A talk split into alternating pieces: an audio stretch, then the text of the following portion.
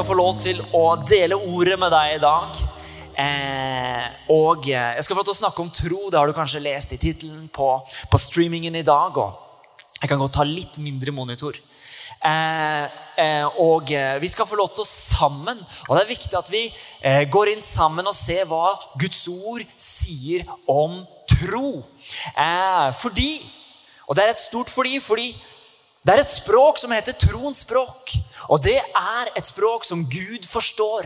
Du vet at eh, Gud han snakker ikke tvilens språk, han snakker ikke vantroens språk, han snakker troens språk. Og Da er det viktig at du og jeg er koblet på troens språk, så du og jeg får lov til å tale til Gud på den måten som han ønsker at vi skal tale. Fordi det står i Hebreerne 11,6 at det er umulig, umulig å være til behag for Gud uten å ha tro. Det er helt umulig. Wow! Og personlig så syns jeg det er interessant og viktig å være til behag for Gud. Jeg vet ikke åssen det er med deg, men det er jo sjelden man ønsker å være til ubehag for noen. Det er jo ikke der man ønsker å være. Nei, Vi ønsker å være til behag for Gud. ikke sant? Så eh, la oss, fort, eh, la oss eh, ta for oss et Bibelens definisjon, et bibelvers som er definisjonen på hva tro er, ifølge Bibelen, før vi fortsetter. Og der står det i Hebreerne 11, 1. Du får det opp på skjermene her også, forhåpentligvis der du er hjemme. Hebreerne 11, der står det 'men tro'. Oh, oh, oh. Si det sammen med meg. Men tro er full visshet om det en håper Overbevisning om ting en ikke ser. Troen, den er nå. Håpet, det er fremtiden. Det ligger framfor oss. Men troen, den er den fulle, sikre visshet på at det vi håper på, det kommer. For det er troen som bærer oss fram mot håpet. Håpet på Jesus Kristus. Og det er en overbevisning om ting en ikke ser. Fordi Paulus han sier det sånn at du kan ikke håpe på noe du ser. Fordi når vi, vi, håper på himmelen og vi tror at vi kommer til himmelen, ikke sant? men når vi kommer hjem, så trenger vi ikke det lenger, for da ser vi fullt ut. Og vi er overbevist om det vi ikke ser, i tro. Halleluja. Så da har vi en bibelsk definisjon på hva tro er. Så la oss gå inn i dette og se hva det betyr for oss. Og eh, vi skal se eh, i Hebreerne 11, det er jo på en måte troens kapittel. Eh, og i Hebreerne 11, 3 og 6, ikke til, men og, så står det Ved tro Halleluja. Digger det, altså. Skjønner vi at verden er skapt ved Guds ord. Ved hva for noe? Jo, ved Guds ord. Hmm. Så det en kan se, ikke er blitt til av det synlige. Så vers 6. Men uten tro er det umulig å være til behag for Gud. For den som trer frem for Gud, må tro at han er til, og at han lønner dem som søker ham. Det må tro til for å forstå. Det må tro til for å skjønne. Er ikke det nydelig? Jeg syns det er vakkert. Det må tro til for å snakke Guds språk. Og det må tro, tro til for å ta imot fra Gud. Wow! Du må tro til for å ta imot fra Gud. Har du noe du ønsker å ta imot fra Gud i dag? Yes! Ha tro til Gud. Sist uke så snakket Anne om det å ha tro til Gud. Og Det skal vi få lov til å bygge videre på i dag. Vi skal få lov til å ha tro på den levende Gud som setter fri, som helbreder, som forsørger, som bryter lenker, som frelser, som gir helse, styrke og kraft. Det er den Gud som vi tror på. Men før jeg fortsetter, så ønsker jeg på en måte å liksom bare eh, eh, si noe og nevne noe overfor oss som er nordmenn. Fordi det er lett å kanskje tenke at man tar dette personlig, og vi snakker jo om en personlig tro. Men det er lett å komme i forsvarsposisjon mot troens budskap. La oss nå bare senke skuldrene. Og så skal vi bare få lov til å kjenne hvordan dette kan få lov til å tale til oss. Vi sammen skal få lov til å åpne og se hva som står i ordet. Fordi det her er viktig. Tro er ingen prestasjon. Amen. Tro er ingen prestasjon. Troen kommer ikke ved gjerninger i det hele tatt. Troen kommer ene alene fra Guds ord. Eh, og så mange ganger så har jeg på en måte liksom, kanskje litt vel entusiastisk hatt et veldig stort ønske om å se noe stått i bønn for det, opplevd at det, her skal vi ha gjennombrudd. Men så har jeg ikke sett det. ikke sant? Eh, var det noe galt med troen min? Hadde jeg for mye vantro? Hva var greia, liksom? Og, og, og, si Det enkle svaret er ja, men, men, det blir feil å si ja-nei på et sånt spørsmål. Eh, fordi troen er ikke noe du og jeg kan bare fremprovosere. Ikke sant? Eh, troen det er noe som kommer fra Gud. Og, og hvis vi går til Markus 4, 4, 26 29 Markus 4, 26-29. Og det er en veldig viktig lignelse som Jesus tar opp når han eh, ligner Guds rike med forskjellige ting. Og en av de tingene er dette.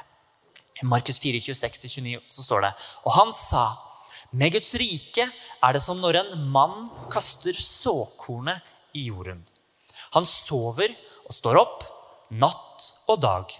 Og kornet spirer og vokser seg høyt. Hvordan det går til, vet han ikke. Av seg selv bærer jorden grøde.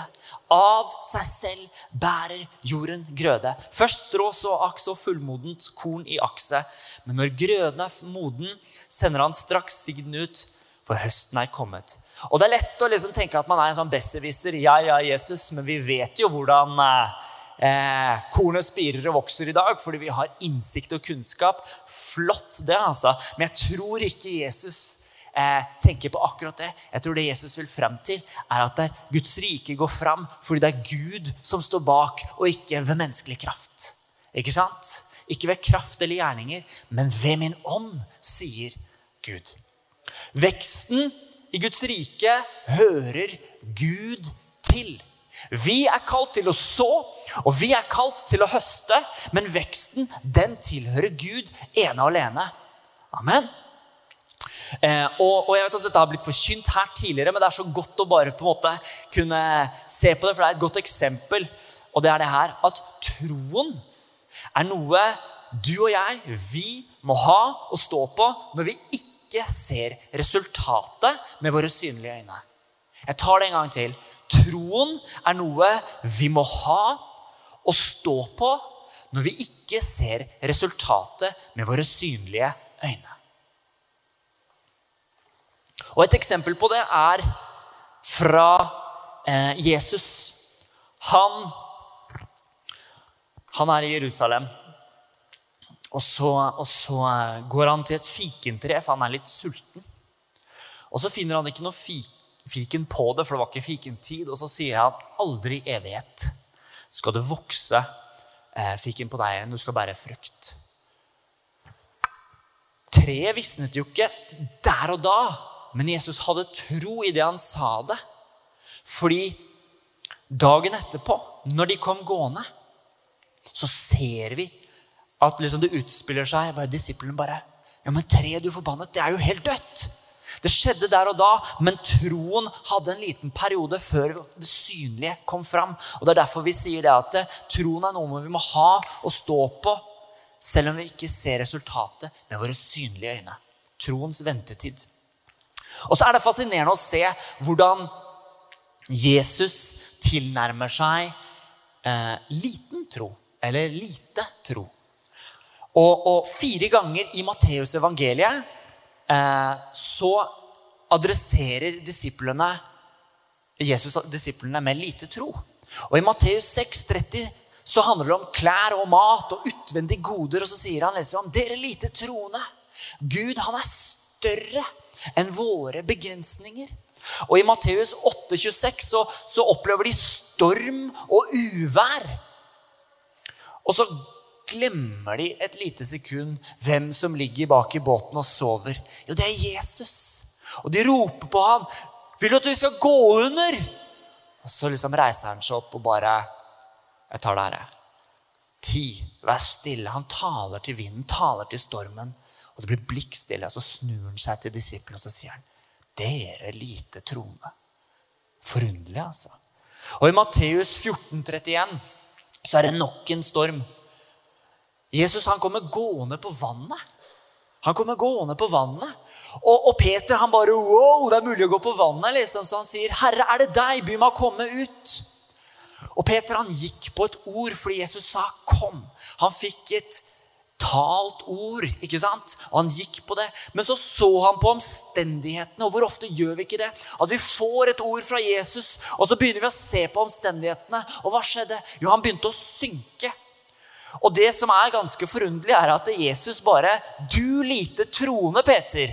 Hvorfor tvilte du? Altså, Jeg syns det var ganske kult at han faktisk greide å gå på vannet. da. Men de kom jo seg tilbake til båten også.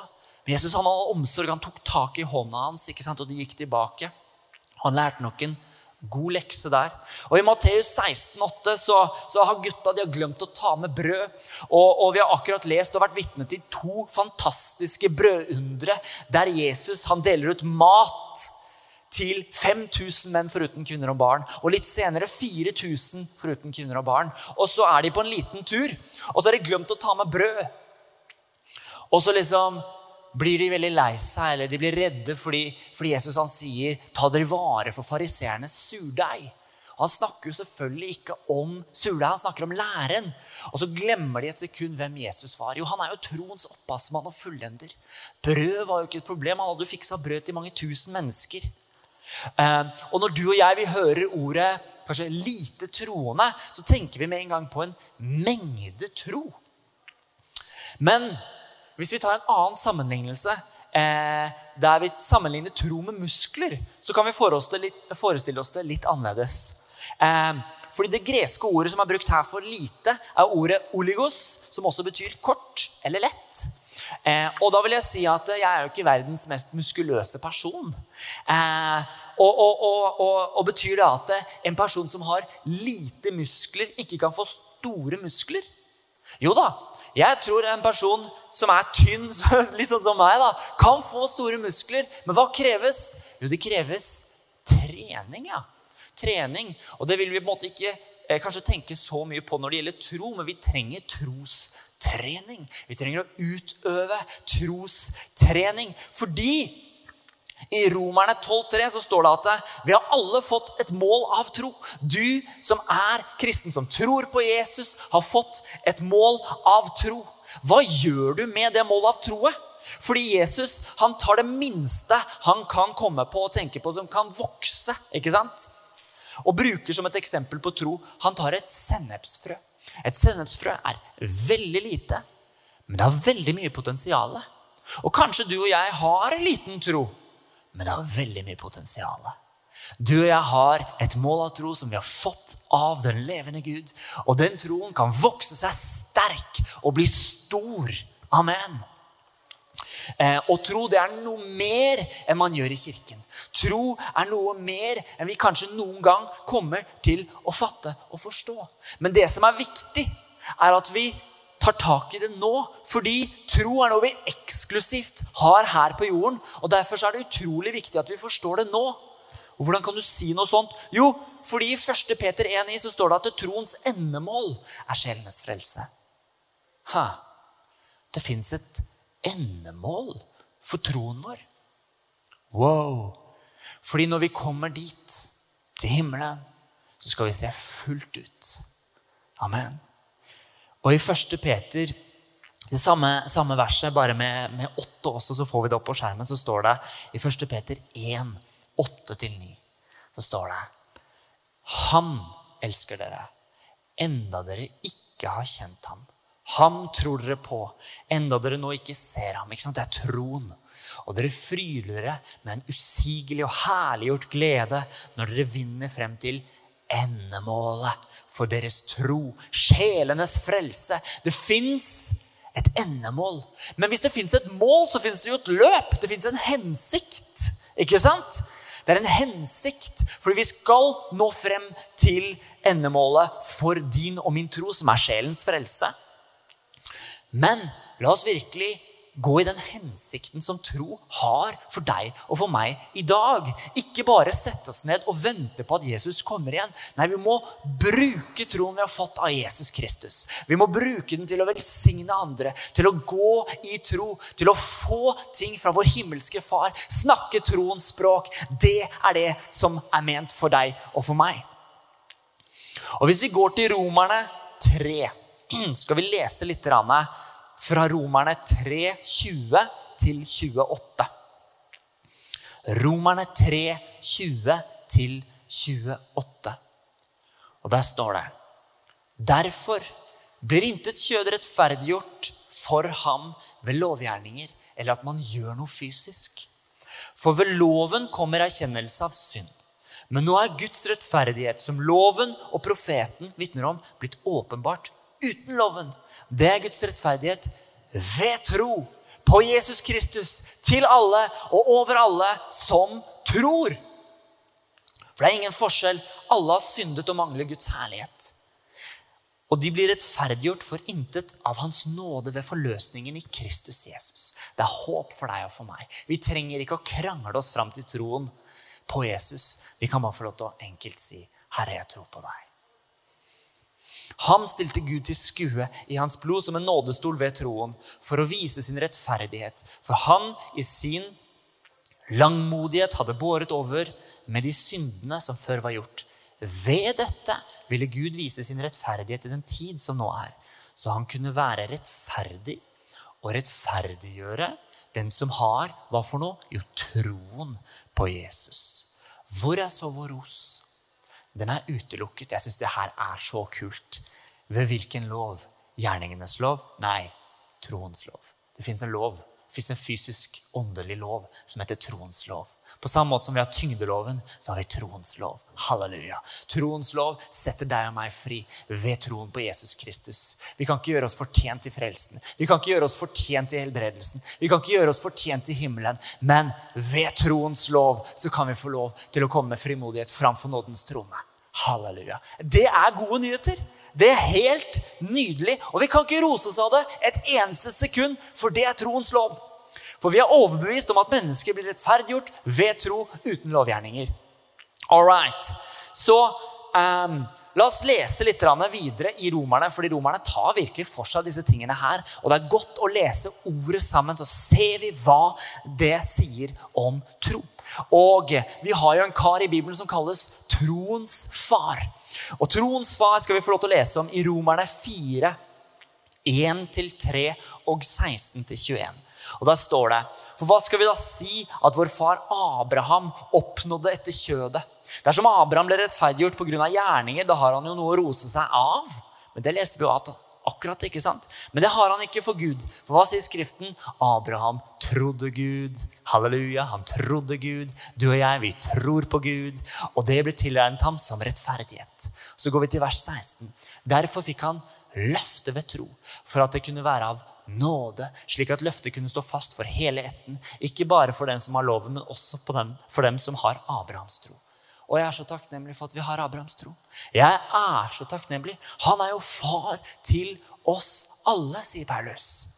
Slik det står skrevet til far for mange folkeslag har jeg satt deg. Han er vår far i Guds øyne, og hør på dette her. Og jeg bare taler til deg profetisk, for her står det den Gud som han trodde på.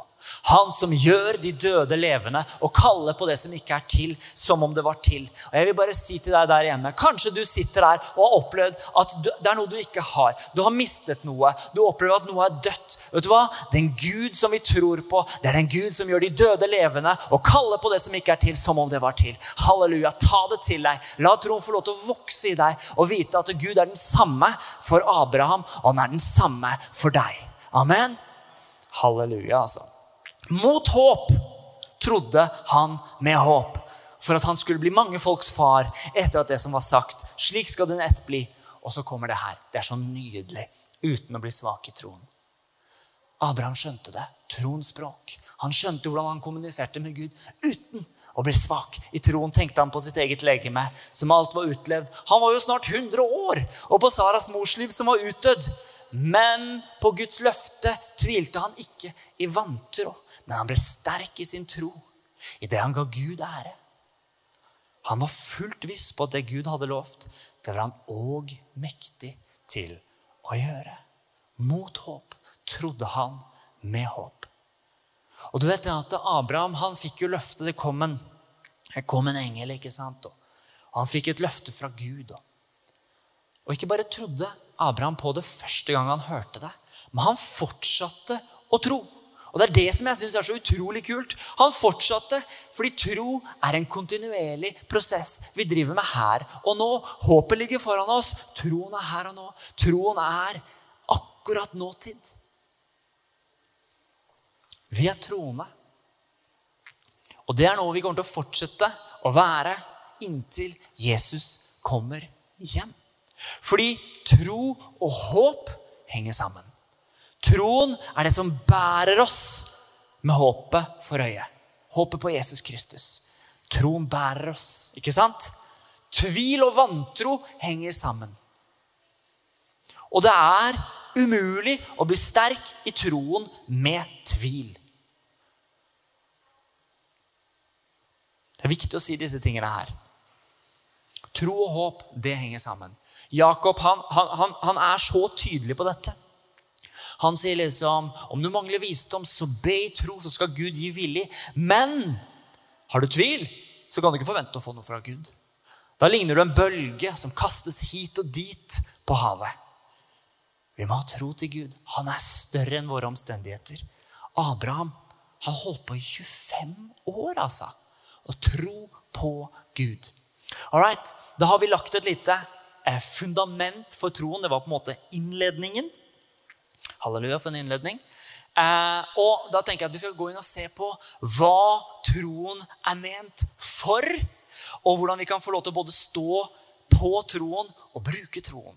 Fordi i Hebreerne 12, 1-2 så står det Så la oss derfor, da vi har en så stor sky av vitner omkring oss, legge av alt som tynger, og synden som henger så fast ved oss, og løpe med tålmodighet i den kampen vi har foran oss, med blikket festet på Jesus. Han som er hva for noe? Jo, troens opphavsmann og fullender.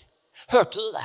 La oss si det der en gang til. Han er troens opphavsmann og fullender. Altså Troen kommer fra Jesus, og troen blir fullendt i Jesus. Fordi han levde det perfekte livet som du og jeg ikke noen gang kommer til å greie.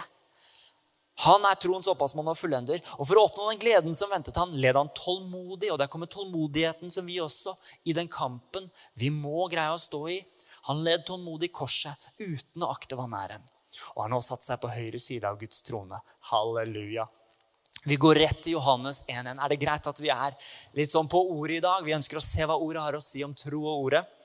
Eh, og i Johannes 1.1 så står det I begynnelsen var ordet. Og ordet var hos Gud. Og ordet var Gud. Ohoi!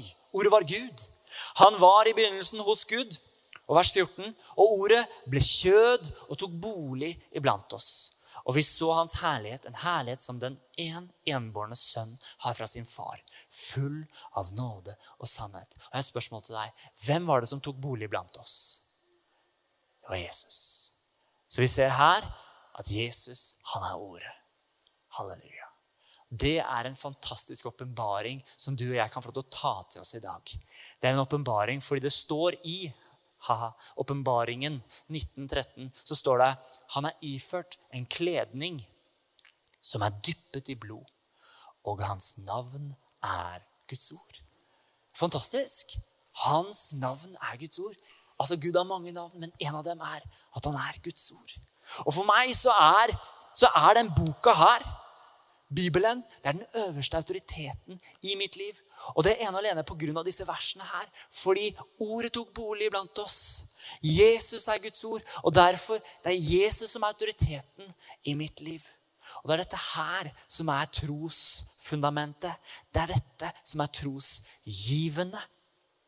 Og med det som grunnlag så la oss bare gå tilbake til hebreerne 12,2 og se hva det står skrevet her. Det står med blikk festet på Jesus, han som er troens opphavsmann og fullender. Hvordan fester du blikket ditt på Jesus?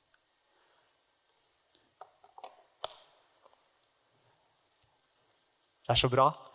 Altså, Det er selvfølgelig flere måter å feste blikket sitt på Jesus, men jeg tror en av hovedmåtene er å lese og studere Guds ord. Fordi det står i Romerne 10, 17, så kommer da troen av forkynnelsen som en hører, og forkynnelsen som en hører, kommer ved Kristi ord.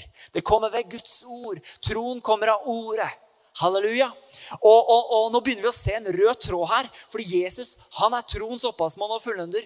Ordet er troens opphavsmann og fullender. Trenger du tro, så går du til ordet. Det er der du finner troen for det som du trenger i ditt liv, og for de som er rundt deg. Og Da har vi virkelig fått et innblikk i tilegnelsen av tro. Og vi ser jo det at eh, troen kommer av Kristi ord. Og Da har jeg et spørsmål til deg. Kan troen dra? Jo da. Hvis den kan komme, så kan den dra. Og det er jeg helt sikker på. Fordi muskelstyrke, det kommer av fysisk trening og riktig kosthold. Og muskelstyrke drar av ingen form for trening og feil kosthold. ikke sant? Og Derfor så tror jeg at tro kommer ved Guds ord og tid med Gud. Og tro drar ved ingen Guds ord og ingen tid med Gud. Det er litt sånn enkel teologi, men jeg tror nok det er korrekt også. Fordi hvordan kan vi bli praktisk sterke i vår tro? Fins det ikke en sånn YouTube-video der det er liksom sånn Se her! Få tro nå! 1, 2, 3 til tro. Det har vært utrolig deilig. Men, men det er liksom ikke sånn Gud har skapt det. Vi kan absolutt bli trosstyrket av å høre en herlig forkynnelse på YouTube, og det har jeg ingen problemer med. Men vår primærkilde til tro, det er ordet. At vi får lov til å gå til ordet, styrkes i ordet og se hva er det ordet sier. Fordi det er vår omstendighet. Det er vårt grunnlag. Ja, kanskje du opplever sykdom i kroppen. Kanskje du opplever et, et, et et forhold som holder på å gå i tusen knas, eller du opplever utfordringer på jobben eller i studiet. Men vet du hva? Det er greit at det er fysiske omstendigheter, men dine åndelige omstendigheter er Guds ord. Det er det vi står på, og det er der troen kan få lov til å virkelig få fritt spillerom inn i våre liv. Troen styrkes i prøvelser og motstand gjennom tålmodighet, for vi ser hvordan Jesus led tålmodig på korset. Ikke sant? Og Jakob 1 og vers 2-3 sier, mine brødre, akte for bare glede når dere kommer i mange slags prøvelser, for dere vet at når hva for noe blir prøvd? Jo, troen blir prøvet. Virker det med tålmodighet. Og Da ønsker jeg å komme tilbake til å se på Abraham. Hvordan ble Abraham sterk i sin tro? Jo, for Vi ser det i Romerne 4,20 og B. Så står det han ble sterk i sin tro i det han ga Gud ære. Oi. Så vi, vi, ser her hvordan vi kan styrke vårt indre. Vi har jo disse trosheltene ikke sant? som hebreerne 11 ramser opp. Og, men jeg tror ikke det alene var nøkkelen at han ga Gud ære. Men det var under hvilken omstendighet og tidsperspektiv han ga Gud ære. Jeg nevnte det i stad. Altså, han ga Gud ære i 25 år med oppgang og motgang. Troen kommer ikke nødvendigvis bare på ett lite sekund. Nei, det kommer i et liv sammen med Gud. I alle omstendigheter. Og vi alle opplever oppturer og nedturer. Men det er når vi gir Gud ære i både oppturer og nedturer. For Paulus sier, 'Jeg vet hvordan det er å ha mye, og jeg vet hvordan det er å ha lite'. Men han ga fortsatt Gud ære. Han skrev jo 'Vær glade' fra fengselet. Og hva enn du står i, gi Gud ære. Ha tro til Gud, som Anne prekte sist søndag. Bli sterke i troen på at Guds løfte til deg ikke er utslettet eller opphevet siden det har gått 1, 2, 3, 4, 10, 20 år. Fortsett å gi Gud ære. Det han har sagt til deg, skal fullendes. I Jesu navn, altså. Og om du opplever sykdom i kroppen, så har Gud sagt i sitt ord i 2. Mosebok 1526 se, så står det For jeg er Herren, din lege. Og Noen ganger så syns jeg det er veldig gøy å få lov til å gå til grunnteksten og se på Gammeltestamentet, så er det jo hebraisk. da. Og, og, og, det hebraiske for 'Herren din lege', det er Jehova Rafa. Og hva betyr det? Jo, det betyr Gud som helbreder, som i nåtid. Det står ikke Gud som helbredet. Bare da. Nei, det står Gud som helbreder. Han gjør det ennå i dag, fordi Gud er den samme i går, i dag, ja til evig tid. Han er din og min helbreder. Han er din og min utfrier. Om du sitter i lenker, han er din utfrier. Amen. Styrk troen din i ordet. Jobb med Guds ord. Ikke bare lytt til denne prekenen her, men ta virkelig og skriv notater og, og gå gjennom bibelversene etterpå og se liksom hm, Det står jo dette her i Bibelen. Ja, men da får vi ta det litt seriøst, da. Skulle ikke han gi til dem som roper til han dag og natt? Lukas 18. Hæ? Når vi som kristne jobber med ordet, da kommer også troen som vi trenger. Amen. Og vet du hva? Vi trenger virkelig tro i denne tiden her. Det er en tid som er full av frykt, som er full av splittethet, som er full av ja, sykdom og virus og hva enn det skulle være. Vi trenger tro. Vi trenger tro på at Gud er en god Gud, som kommer med forsoning, som kommer med helbredelse, som kommer med styrke og kraft og nåde inn i hvert enkelt menneskes liv, akkurat der man er. Det skal vi få lov til å ha tro til. Ha tro til Gud. Gud er større. Og, og musikerne kan få lov til å, å, komme på scenen, så skal jeg på en måte avslutte med å lese. Eh, ganske mange bibelvers om helbredelse. Og jeg sier ikke at tro alene er kun for helbredelse, for vi tror først og fremst i frelse. ikke sant? Men dernest også helbredelse, og det er mange andre ting. Og så skal jeg få lov til å være med og be for deg som sitter der hjemme, om du har opplevd eller opplever sykdom i kroppen din, eller du opplever en vond situasjon, eller du opplever noe som virkelig har tak på deg. Vi skal be troens bønn, for det står at troens bønn skal reise den syke opp. Og nå har jeg prøvd å på en måte inspirere og tale tro inn i livet ditt ut ifra Guds ord. Og det er ordet som ene og alene er livgiveren til tro. Så, så da vi skal stå sammen etterpå, så gjør deg klar til å ta imot troens bønn eh, etter at vi har lest alle disse ordene. Og Mens musikerne kommer på scenen, så begynner jeg bare å lese hva som står om helbredelse, om hva som er ditt og mitt løfte i Guds ord i dag. For det står i ordspråkene 4, 20-22, så står det Min sønn, og jeg vil legge til min datter, altså, halleluja. Akt på mine ord, bøy ditt øre til min tale. La dem ikke vike fra dine øyne. Bevar dem dypt i ditt hjerte, for de er liv. Vær den som finner dem og legedom for hele hans legeme. Det er først og fremst liv for hver den som finner dem. Og dernest også legedom. Halleluja.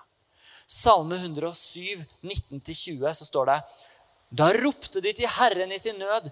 Av deres trengsler frelste han dem. Han sendte sitt ord. Hva var det han sendte? Jo, han sendte sitt ord. Og hva skjedde? Og helbredet dem. Og reddet dem fra graven. Vi ser hvordan ordet og helbredelse henger sammen, og troen er bindeleddet. Salme 103, 1-5, så står det, og det er en kjent salme, av David. Min sjel, lov Herren, og alt som i meg er, love Hans hellige navn. Min sjel, lov Herren, og glem ikke alle Hans velgjerninger. Han som forlater din misgjerning. Her kommer frelsen inn. Og som leger alle dine sykdommer. Han som forløser ditt liv fra graven, som kroner deg med miskunnhet og barmhjertighet. Han som metter din sjel med det som godt er, så du blir ung igjen like som ørnen. Åh, høres ikke det nydelig ut? Bli ung igjen like som ørnen. Jesaja 53, 4-5 så står det Sannelig, våre sykdommer har han tatt på seg, og våre piner har han båret. Men vi aktet ham for plaget, slått av Gud og gjort elendig. Men det er et så godt ord men han ble såret for våre overtredelser, knust for våre misgjerninger. Straffen lå på han for at vi skulle ha først og fremst fred. Det er frelsen han først og fremst kom for. Og resultatet av frelsen er at og ved hans sår så har vi fått legedom. Frelse og helse og legedom henger sammen. Matteus 4, 23. Og nå skal vi få lov til å lese om hva Jesus selv gjorde. Jesus dro omkring i hele Galilea. Han lærte deres synagoger, forkynte evangeliet om riket. Og han helbredet alle slags sykdommer og plager blant folket. Det fins ikke én sykdom som ikke Gud kan helbrede. Kreft, ALS, MS, hodepine, kvalme, skoliosis, hva enn det er for noe. Lammelser, døvhet, blindhet, stumhet. Fins ikke én ting. Korona. Fins ikke én ting som Gud ikke kan helbrede. For det står her han helbredet alle slags sykdommer og plager blant folket. Er ikke det gode nyheter? Det er helt nydelig. Og i Matteus 8, 2-3, så står det Og se en spedalsk kom og falt ned for ham og sa, 'Herre, om du vil' Han var litt tvilende. Men Gud han tok tak i det. altså. Jesus tok tak i det, og så sa han, 'Så kan du gjøre meg ren.' For han hadde troen på det. Jesus rakte ut hånden, rørte ved han og sa, 'Og la det være sagt en gang for alle, jeg vil'.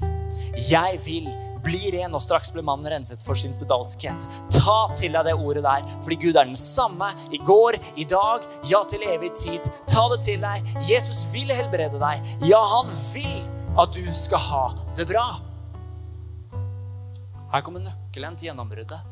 Det er til din og min helbredelse, for vi trenger det. Å ta imot helbredelse i tro. Troens bønn er det som reiser den syke opp. Matteus 8, 5-8 sier, og 10. Da han kom inn i Kapernaum, kom en høvedsmann til ham, ba ham og sa, Herre, tjeneren min ligger verkbrunnen hjemme og har store smerter. Jesus sier til ham, jeg skal komme og helbrede ham. Men høvedsmannen svarte og sa, Herre, jeg er ikke verdig til at du går inn under mitt tak. Men si bare ett ord. Vi trenger et ord. Så blir gutten frisk.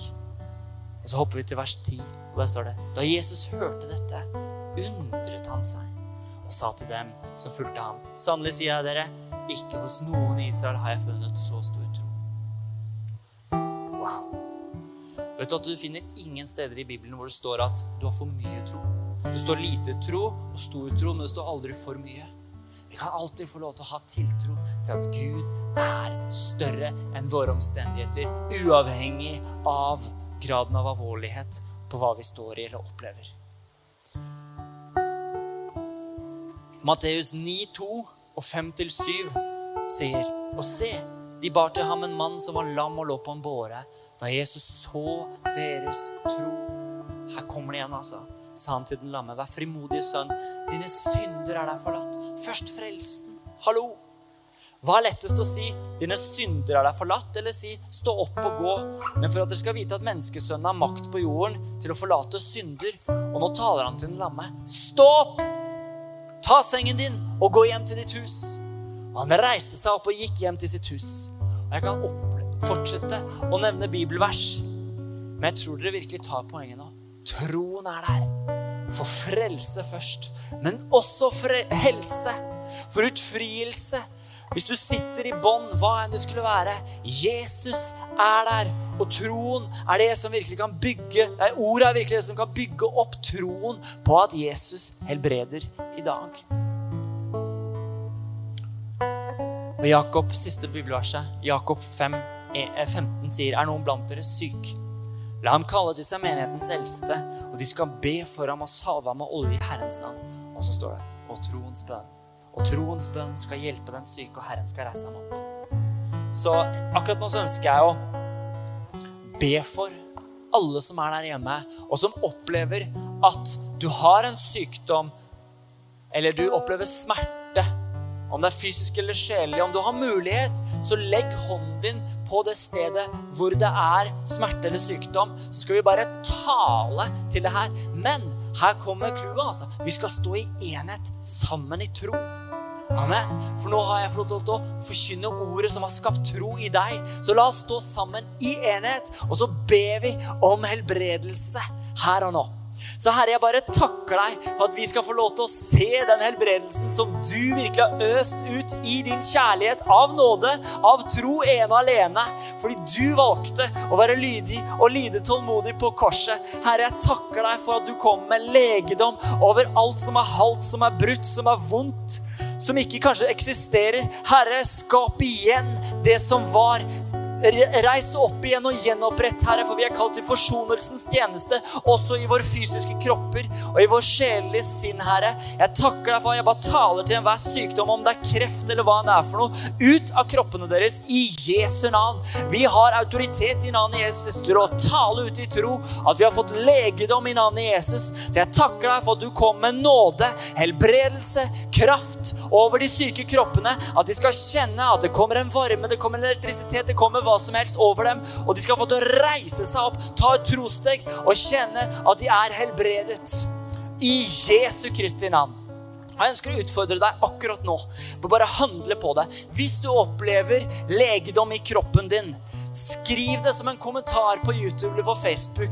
Vitne om hvor god Jesus er. Det handler ikke om våre prestasjoner eller bønner, men vi ønsker å gjøre det til et vitnesbyrd om at Gud lever i dag, og han helbreder i dag.